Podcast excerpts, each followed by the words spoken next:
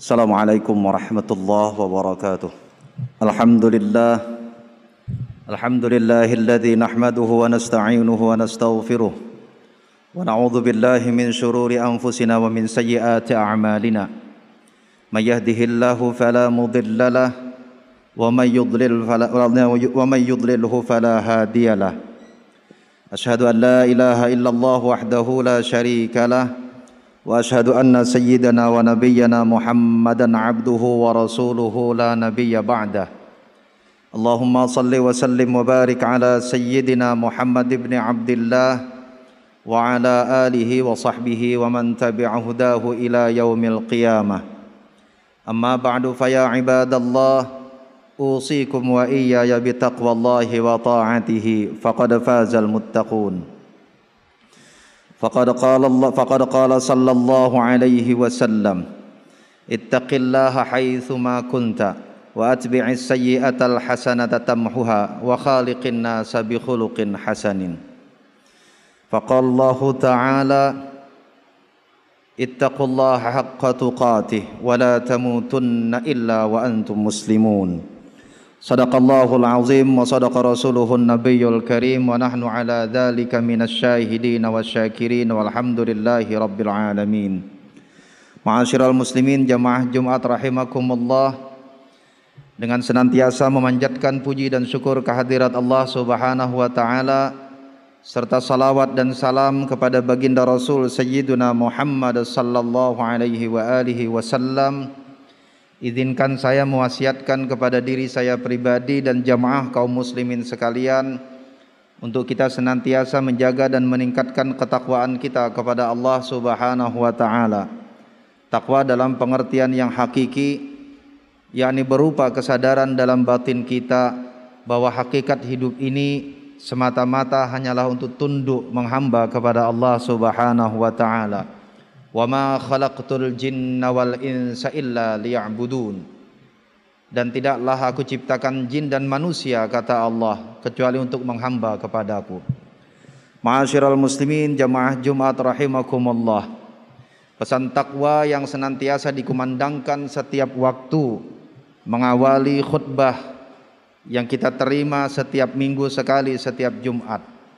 Nabi sallallahu alaihi wa alihi wasallam menggambarkan bahwa ketakwaan itu adalah bagian dari keseluruhan hidup kita selama 24 jam 7 hari dalam seminggu. Nabi sallallahu alaihi wasallam perintahkan, "Ittaqillaha haitsuma kunta wa atbi'is sayyi'atal hasanata tamhuha wa khaliqin nasa bi khuluqin hasanin." Ittaqillaha haitsuma kunta. Bertakwalah engkau kapan dan di mana pun juga dan dalam keadaan apa pun juga wa atbi'is sayyi'atal hasanata tamhuha. Dan jikalau kita kemudian dalam proses kehidupan kita jatuh melakukan sebuah keburukan segera ikuti keburukan itu dengan kebajikan tamhuha. Yang kebajikan itu mudah-mudahan akan menghapuskan akibat nilai yang keburukan yang sudah kita lakukan. Tapi tak cukup hanya sekadar itu. Wa khaliqin nasa hasanin menyertai perintah takwa, menyertai perintah untuk berbuat kebajikan, untuk menjaga kita dari keburukan-keburukan yang mungkin kita tak sengaja lakukan. Nabi sallallahu alaihi wa alihi wasallam perintahkan wa khaliqin nasa bi khuluqin hasanin dan pergaulilah manusia dengan pergaulan yang baik. Ma'asyiral muslimin jamaah Jumat rahimakumullah. Hadis ini secara sederhana ingin mengajarkan kepada kita setidaknya ada dua pilar utama ketakwaan. Ketakwaan yang kita jaga setiap hari. Pertama, kesadaran bahwa kita bukanlah makhluk yang sempurna. Sekali waktu kita bisa tersalah, sekali waktu kita bisa jatuh pada keburukan, entah karena tangan, entah karena mulut, entah karena kaki atau bahkan sekedar pikiran buruk terhadap diri kita dan orang lain. Maka Nabi Shallallahu Alaihi Wasallam mengingatkan kepada kita, Ketakwaan bagi manusia tidak berarti kita lalu menjadi orang yang sempurna. Tapi ketakwaan adalah kesadaran setiap kali kita melakukan kesalahan, maka serta merta kita akan mengingat Allah dan memperbaiki kesalahan itu dengan berbuat kebajikan. Itulah makna dari firman Allah Subhanahu wa taala di dalam Al-Qur'an. ketika Allah ingatkan walladzina idza fa'alu fahishatan aw zalamu anfusahum fastaghfaru lidzunubihim wa may yaghfiru dzunuba illallah wa lam yusirru ala ma fa'alu wa hum ya'lamun wal billah Allah Subhanahu wa taala ingatkan dalam ayat ini walladzina idza fa'alu fahishatan aw zalamu anfusahum. Ada orang yang berbuat fahishah berbuat keji atau dia sekali waktu berbuat zalim atas dirinya Makna menzalimi diri sendiri itu di dalam banyak kitab tafsir dijelaskan dengan range dengan batasan yang sangat luas. Mulai dari sekedar berbuat dosa yang berarti akan menjatuhkan diri kita pada kerusakan di hari akhir di hadapan Allah. Bisa jadi di dunia kita tetap selamat, tapi di hari akhir dia dicatat sebagai keburukan yang akan berbuah keburukan. Maka tanpa sadar sebenarnya kita sedang menzalimi diri kita sendiri. Atau memang karena perilaku yang nyata-nyata menyakiti diri kita sendiri Harusnya kita menjaga diri dari keburukan fisik, material yang nyata-nyata ada, kita lemparkan diri kita dalam keburukan itu. Kita tahu di situ ada penyakit, kita memaksakan diri masuk ke dalam kubangan penyakit. Kita tahu perbuatan itu bisa melukai diri kita, kita paksakan untuk melakukannya. Yang akhirnya tanpa sadar secara fisik dan material memang menzalimi diri sendiri. Tapi Allah mengingatkan, Orang yang berbuat kekejian atau menjatuhkan dirinya dalam kebinasaan, kezalim, menzalimi diri sendiri ini, zakarullah. Ketika mereka ingat kepada Allah Subhanahu wa taala, fastaghfaru lidzunubihim. Ingatnya ini akan membuat dia segera berbuat kebajikan. Kebajikan pertama dari keburukan adalah istighfar. Memohon ampun kepada Allah Subhanahu wa taala. Nah, orang yang benar-benar beristighfar karena ingat kepada Allah, wal yaghfiru wala wa may yaghfiru dzunuba illa wa lam yaghfir والذين إذا فعلوا فاحشة أو ظلموا أنفسهم ذكروا الله فاستغفروا لذنوبهم ومن يغفر الذنوب إلا الله Lalu kemudian dia ingat bahwa siapa siapa yang bisa tidak ada yang lain yang bisa mengampuni kecuali Allah Subhanahu wa taala. Karena itu walam yusirru ala ma fa'alu wa hum ya'lamun. Mereka tidak akan jatuh kembali kepada perbuatan buruk itu selama mereka mengetahuinya. Ma'asyiral muslimin jamaah Jumat rahimakumullah. Maka kunci pertama dari takwa adalah bukanlah kita menjadi orang yang sempurna, tetapi ingat kesadaran terus-menerus yang mengontrol diri kita. Satu ketika kita berbuat kesalahan, segera diikuti dengan kebajikan-kebajikan. Lalu kemudian yang kedua, kunci kedua ketakwaan dalam hadis tadi Nabi ingatkan, wa khaliqin nasa hasanin. Perbuatan yang baik, pergaulan yang baik dengan sesama manusia. Jadi ketakwaan adalah ketundukan kepada Allah. Tetapi ketundukan kepada Allah tidak cukup hanya sekedar urusan personal, kita habiskan diri kita bermunajat sepenuhnya kepada Allah tapi ketakwaan kepada Allah juga diikat oleh bagaimana kita menjaga hubungan baik kita dengan sesama manusia. Anggota keluarga kita, teman sekantor kita, tetangga kita, orang di sekitar kita, semua dari hadis ini adalah jalan bagi kita untuk menjaga ketakwaan kita kepada Allah Subhanahu wa taala. Dalam banyak hadis Nabi sallallahu alaihi wasallam mengikat iman kita kepada Allah dan hari akhir dengan bagaimana kita menjaga hubungan dengan sesama manusia. Ambillah satu contoh sederhana misalnya. Dalam satu kesempatan Nabi sallallahu alaihi wasallam bersabda, "Man kana yu'minu billahi wal yaumil akhir falyaqul khairan aw liyasmut." Kata Nabi, "Man kana yu'minu billahi wal yaumil akhir." Siapa yang beriman kepada Allah dan hari akhir, falyaqul khairan, maka hendaklah dia berkata yang baik aw liyasmut atau kalau tak bisa berkata yang baik, dia sebaiknya diam. Yang menarik dari hadis ini adalah Nabi mengikat iman kepada Allah Subhanahu wa taala yang di dalam sejumlah kitab syarah hadis digambarkan yang dimaksud iman di sini adalah kesempurnaan iman, bukan ketiadaan iman.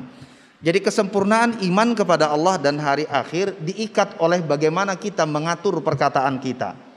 Perkataan yang baik, orang yang imannya sempurna, Orang yang berniat menyempurnakan imannya, maka dia tidak akan pernah mengeluarkan perkataan yang buruk. Yang keluar dari mulutnya hanya perkataan-perkataan yang baik. Kalau tak mampu berkata baik, maka dia akan memilih diam. Pertanyaannya kemudian adalah bagaimana bisa perkataan baik dengan sesama manusia menjadi alat ikat untuk menentukan kesempurnaan iman seseorang. Dalam sejumlah syarah dijelaskan dalam kehidupan sehari-hari kita sering kali berhadapan dengan peristiwa-peristiwa yang tidak semuanya enak, tidak semuanya kita maui, tidak semuanya sesuai dengan keinginan kita. Orang tua kepada anak, kadang tak selalu anak menurut. Guru kepada murid, tidak selalu murid menurut. Kita dengan teman sekerja tidak selalu apa yang dilakukan sesuai dengan apa yang kita maui. Bahkan di jalan raya sering kali kita seperti berjalan sendiri tapi di sana sini banyak orang tidak selalu orang di kiri kanan kita berkendaraan berjalan dengan cara yang kita sukai. Setiap kali bertemu dengan hal-hal yang tidak kita sukai, Allah Subhanahu wa taala sedang menguji kita dengan hadis ini. Di media sosial kadang kita dapat postingan yang membuat kita tidak suka.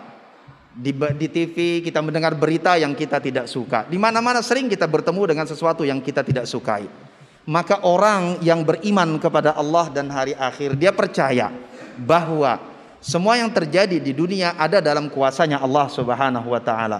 Bahkan sesuatu yang buruk sekalipun di hadapan kita, jikalau Allah berkehendak, maka seketika Allah bisa membuatnya baik. Maka orang yang beriman kepada Allah dan hari akhir tidak ada pilihan bagi dia setiap kebaikan dia syukuri, setiap keburukan yang ada di hadapannya dia sabar. Kalau itu keburukan yang dia tidak bisa hentikan, maka dia akan berdoa memohon kepada Allah Subhanahu wa taala karena dia percaya Allah punya kuasa untuk memperbaiki keadaan. Kita ingat uh, petua, kita ingat teladan Kanjeng Nabi. Ketika Kanjeng Nabi diuji berdakwah ke Taif, dilempari sampai berdarah-darah sampai malaikat melawarkan kepada Nabi untuk meruntuhkan gunung menjatuhkan kepada mereka agar binasa seperti binasa, binasanya umat-umat Nabi terdahulu yang maksiat kepada nabi-nabi mereka. Tapi Nabi menolaknya. Nabi hanya mengatakan Allahumma Allah Allahumma inni lam ub'atsu la'anan innama bu'istu rahmatan. Allahumma ya Allah aku diutus tidaklah diutus sebagai tukang laknat Tukang laknat maksudnya berkata-kata yang buruk atau mendoakan keburukan yang lain. Innama bu'istu rahmatan. Sesungguhnya aku diutus sebagai rahmat. Maka lalu kemudian beliau justru berdoa, Allahumma hdi qaumi fa innahum la yafqahun. Ya Allah, beri petunjuk kaumku karena mereka orang yang tidak mengetahui. Pendeknya sederhana.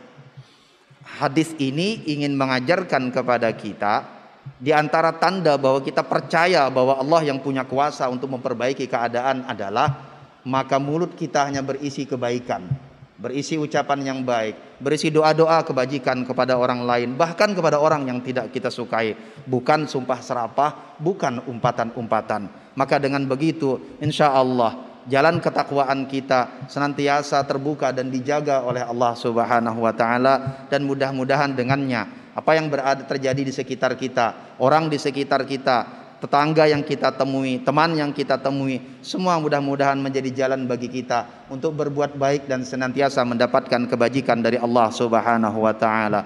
Barakallahu li wa lakum fil Qur'anil azim wa nafa'ani wa iyyakum bima fihi minal ayati wa dzikril hakim. Fataqabbal minni wa minkum tilawatahu innahu huwas samiul alim. Aqulu qawli hadza wa astaghfirullahal azim li wa lakum wa liwalidayya wa liwalidikum wa lisairil muslimin wal muslimat fastaghfiruhu innahu huwal ghafurur rahim. الحمد لله الحمد لله رب العالمين والعاقبة للمتقين ولا عدوان إلا على الظالمين أشهد أن لا إله إلا الله الملك الحق, الملك الحق المبين وأشهد أن سيدنا ونبينا محمدا عبده ورسوله صادق الوعد الأمين اللهم صل وسلم وبارك على سيدنا محمد سيد المرسلين سيد الأولين والآخرين وعلى آله وصحبه ومن تبعه إلى يوم الدين أما بعد فيا عباد الله أوصيكم وإياي بتقوى الله وطاعته فقد فاز المتقون. واعلموا أيها المسلمون أن الله تعالى أمركم بأمر بدأ فيه بنفسه وثنى بملائكة مسبحة بقدسه فقال تعالى ولم يزل قائلا عظيما أعوذ بالله من الشيطان الرجيم. إن الله وملائكته يصلون على النبي. يا أيها الذين آمنوا صلوا عليه وسلموا تسليما. اللهم صل وسلم وبارك على سيدنا محمد وعلى آل سيدنا محمد. كما صليت وسلمت وباركت على سيدنا إبراهيم وعلى آل سيدنا إبراهيم في العالمين إنك حميد مجيد. وارض اللهم عن الخلفاء الراشدين ساداتنا أبي بكر وعمر وعثمان وعلي وعلى بقية الصحابة رسول الله أجمعين. وعلى التابعين وتابع التابعين ومن تبعهم بإحسان إلى يوم الدين.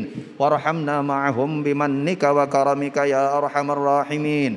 اللهم اغفر للمسلمين والمسلمات والمؤمنين والمؤمنات الأحياء منهم والأموات. واغفر اللهم لنا ولهم واغفر اللهم لنا ولهم واغفر اللهم لنا ولهم.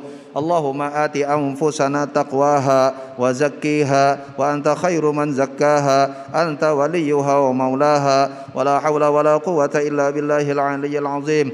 اللهم بحق الفاتحة وسر الفاتحة وكرمة الفاتحة. اللهم يا دافع البلاء يا الله ويا دافع البلاء يا رحمن ويا دافع البلاء يا رحيم. اللهم ادفع عنا الغلاء والبلاء والوباء والفحشاء والمنكر والسيوف المختلفة والشدائد والمحن ما ظهر منها وما بطن. من بلدنا هذا خاصة وإن سائر بلدان عامة كافة إنك على كل شيء قدير. وبالإجابة جدير برحمتك يا أرحم الراحمين. ربنا اصرف عنا السوء والقهط والطاعون والأمراض والوباء والبلاء واجعلنا من عبادك الصالحين. وصلى الله على سيدنا محمد النبي الأمي وعلى آله وصحبه وسلم. والحمد لله رب العالمين. عباد الله إن الله يأمر بالعدل والإحسان وإيتاء ذي القربى وينهى عن الفحشاء والمنكر والبغي يعظكم لعلكم تذكرون. فاذكروا الله العظيم ويذكركم واشكروه على نعمه يزدكم. واسألوه من فضل يؤتكم ولذكر الله أكبر. والله يعلم ما تصنعون. أقم الصلاة.